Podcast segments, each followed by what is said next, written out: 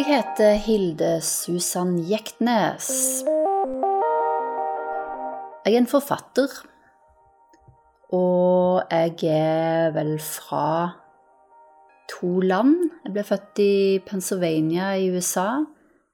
Men så flytta jeg til Norge som syvåring med mine norske foreldre. Eh, så jeg har vel alltid på en måte følt at jeg både er fra USA og Norge, og samtidig ingen av de. Fordi det er vel noe med det at ingen andre har møtt, har hatt akkurat samme historie. I Norge bodde jeg frem til jeg var 18, og etter det begynte jeg å flytte mye frem og tilbake eh, mellom land, og alltid til et land og tilbake igjen til Norge, så jeg har bodd og jobba i Frankrike, på Island, London, Florida, Sveits, Honduras, California. Og så når jeg kom tilbake igjen til Norge, så var det altså som regel Oslo som jeg bodde i. Nå bor jeg på Hidra, som er en øy i Flekkefjord kommune på Sør-Vestlandet. Og så oppholder jeg en del i Palm Springs og Los Angeles i California. Så jeg er antageligvis det eneste mennesket som har pendlet mellom en Fiskerøy i Sør-Norge og Palm Springs, en ørkenby. Men eh, hvor føler jeg meg mest hjemme? Svaret på det er i et hotellrom hvor som helst i verden etter å ha sovet der i mer enn én natt. Og jeg jobber altså som skjønnlitterær forfatter, og som manusforfatter for film og TV. Og så skriver jeg poesi. Inntektene som jeg lever av, de kommer stort sett fra oppdragene som manusforfatter, men etter hvert så har jeg begynt å tjene litt mer på romanskriving. Og så skriver jeg essayer om eh, film, musikk, litteratur, reising og andre ting som fascinerer meg. Hvis jeg skulle beskrive det jeg skriver, eller ja, prøve å plassere den, så jeg syns alltid det er litt vanskelig fordi mm, den er veldig mangfoldig og går innom mange forskjellige sjangre. Men noen fellestrekk er kanskje at jeg skriver med sterk innlevelse. Jeg har mange livlige og detaljrike beskrivelser, har mange sagt. Jeg har visst en frodig fantasi. Og så bruker jeg mye dramatiske kontraster mellom storm og godvær. Så liker jeg like godt å skrive om store, episke fortellinger, sånn som den romanen jeg skrev sist, om USAs grunnlegger Alexander Hamilton, som om bitte små øyeblikk i liv som ingen andre interesserer seg for. Hva er det som gjør, eller hva er det som skiller mitt arbeid fra andre? Ja, nå er det ikke sånn at alle andre er én klump, og så er jeg en liten klump som er forskjellig fra de, men jeg tror ikke det er så mange andre som skriver i så mange forskjellige sjangre og toneleier. Jeg kan skrive både nøktern og levende prosa med dokumentariske skildringer av mennesker, dyr og situasjoner. Og så kan jeg gå over til å skrive ville, aggressive, desperate, surrealistiske, urimelige, selvmotsigende og subjektive poetiske passasjer. Så kan jeg skrive veldig saklig filmkritikk og samfunnskritikk, om frekk satire og trøstebrev. Jeg lever og skriver dramatikk for film og TV, og der følger jeg veldig stringente prinsipper for dramaturgi som jeg lærte på masterstudiet på filmskole i Los Angeles, der man har vekt på spenningsoppbygging, karakterutvikling, medmenneskelige konflikter og engasjerende øyeblikk og vendepunkter. Hvis du spør meg om hvor jeg henter inspirasjonen fra eh, Det er kanskje litt vanskelig å svare på akkurat det spørsmålet, men jeg kan iallfall skrive om hvordan jeg begynte å skrive den første gangen som skrivingen redda meg, og ikke den siste, da. Det var da jeg var veldig liten og hadde mareritt hver eneste natt om å bli forfulgt av en diger, levende appelsin med flammer i stedet for skall, som rulla rundt mot meg og skreik med store, lysende, hvite, sinte øyne. Jeg visste jo ikke helt hva den ville fra meg, men jeg trodde den skulle iallfall brenne meg, spise meg, kanskje. Mamma sa at jeg burde skrive om den i dagboken for å bli mindre redd. Eh, og det gjorde jeg da jeg var seks år, mens jeg fortsatt bodde i Pennsylvania. Da skrev jeg Today I had a pink eye. Today I made some bread. He is a live orange. He is made out of fire. He bothers me. En veldig interessant eh, stave, staving her.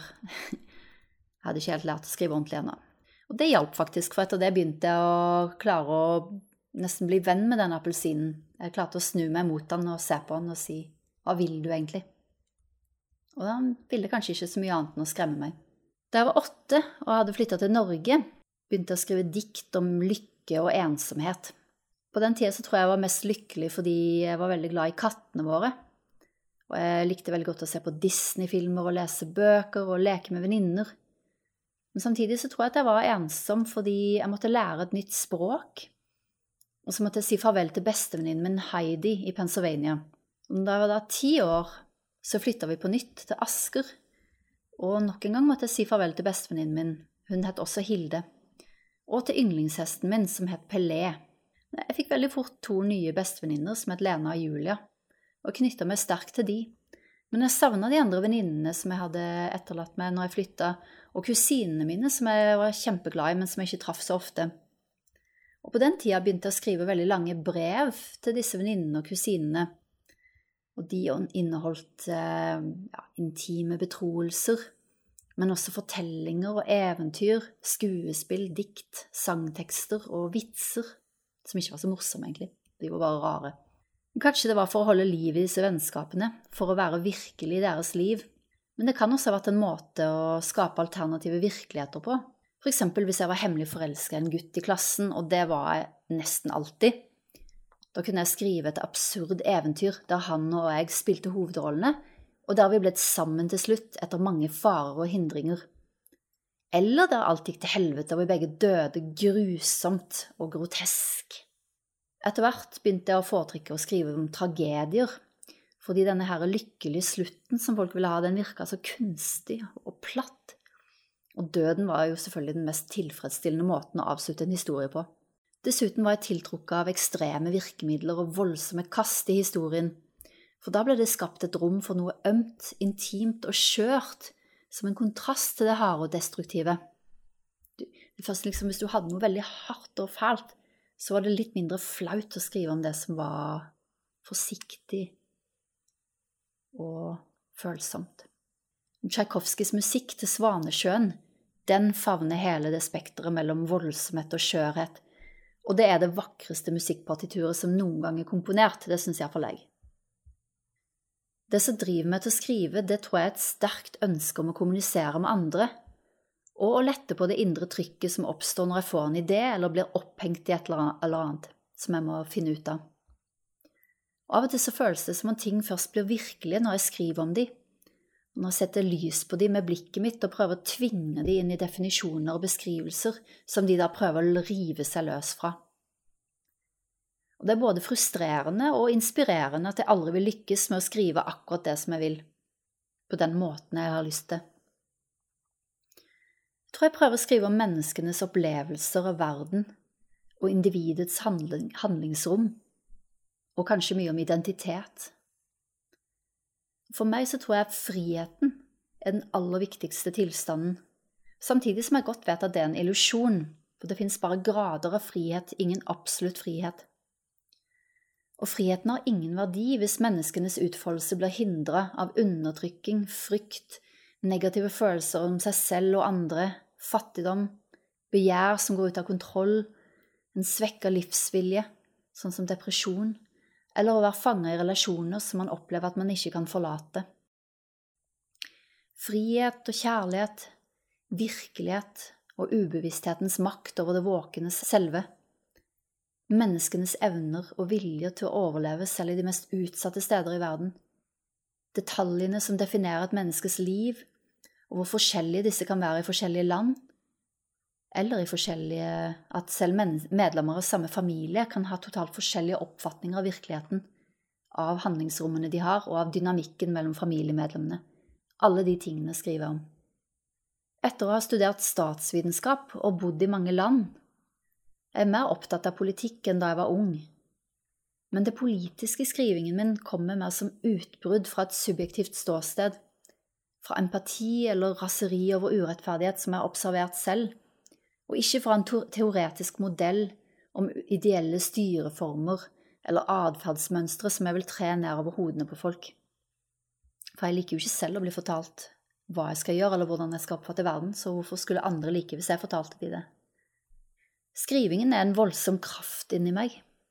En eh, nesten eksplosiv kraft som skremmer meg, men som jeg ikke kan leve uten.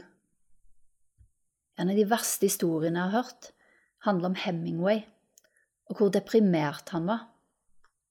Og da ingen andre behandlinger hjalp han, prøvde han elektrosjokk. Jeg vet ikke om det hjalp på depresjonen, men etter den behandlingen klarte han ikke å skrive lenger. Og da skjøt han seg.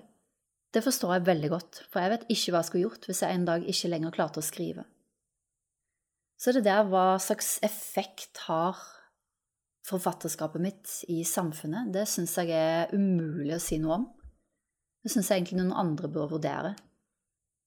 Men jeg, frem til min fjerde bokutgivelse så var jeg nesten helt ignorert i den litterære offentligheten i Norge. Med unntak av en stygg slakt jeg fikk for min tredje roman, Styggskrift, av en anmelder som mente at jeg ikke på noe tidspunkt hadde satt begrensninger for mine egne innfall. Da skulle han ha sett den første utkastet til den boka. Og han mente at romanen skred frem i stolt forakt for alt som heter virkelighetsberøring og narrativ sammenheng. Og den ble ikke kommentert utover det i offentligheten. Mens for den siste romanen min, altså den femte boka, Jeg grunnla De forente stater, da fikk jeg veldig mange kjempebra anmeldelser og ble nominert til tre priser. Og mange lesere sa at de syntes at det var en engasjerende fortelling, som også lærte de mye om USAs historie. Det er jo sikkert bra for samfunnet at jeg har formidla noe om USAs historie og min egen litterære fremstilling av hvordan jeg så for meg at enkeltmennesker fra ulike ståsteder påvirka dannelsen av det mangfoldige landet som jeg ble født inn i. Men jeg er minst like stolt over eksperimentviljen og det litterære overskuddet som jeg hadde når jeg skrev styggskrift, der jeg prøvde å forvandle en kjærlighetstragedie til en selvbiografi der virkelighet og fantasi hadde like stor forklaringskraft på det stadig foranderlige sluttproduktet som altså er meg, meg, jeg, moi.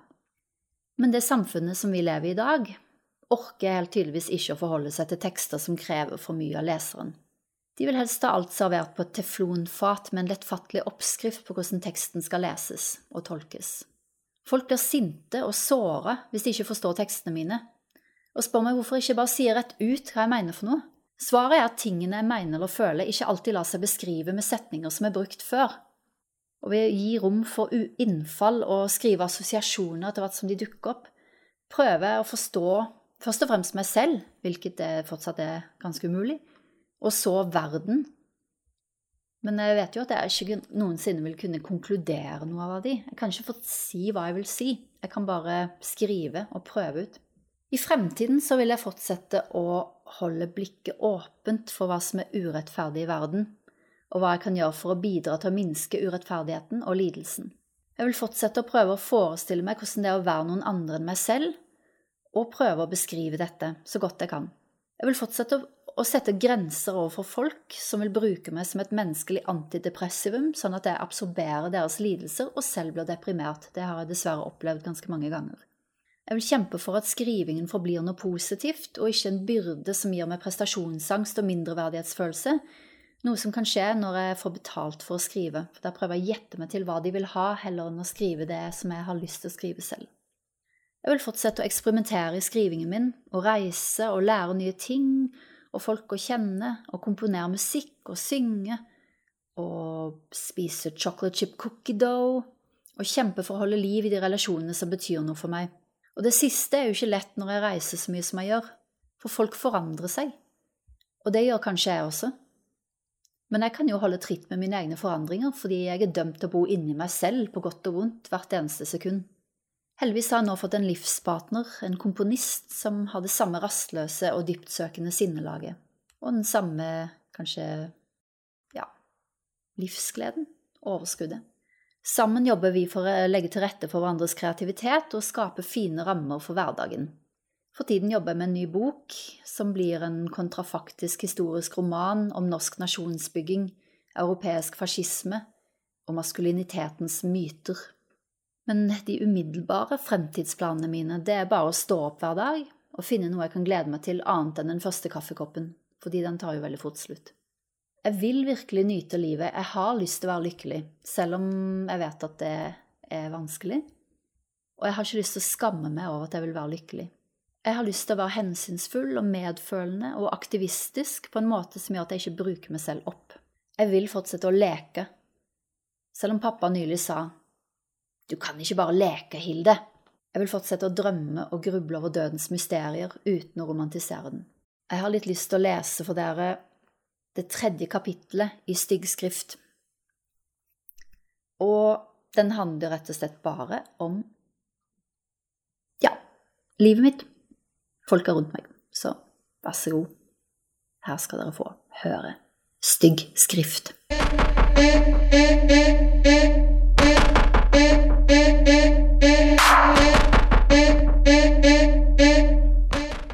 Til mamma.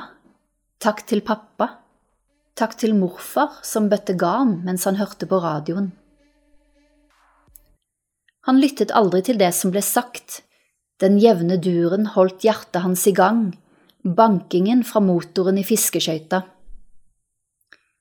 Takk til alle som presser råd ned i halsen min, deepthroater meg med sunn fornuft og naturens hellige bud.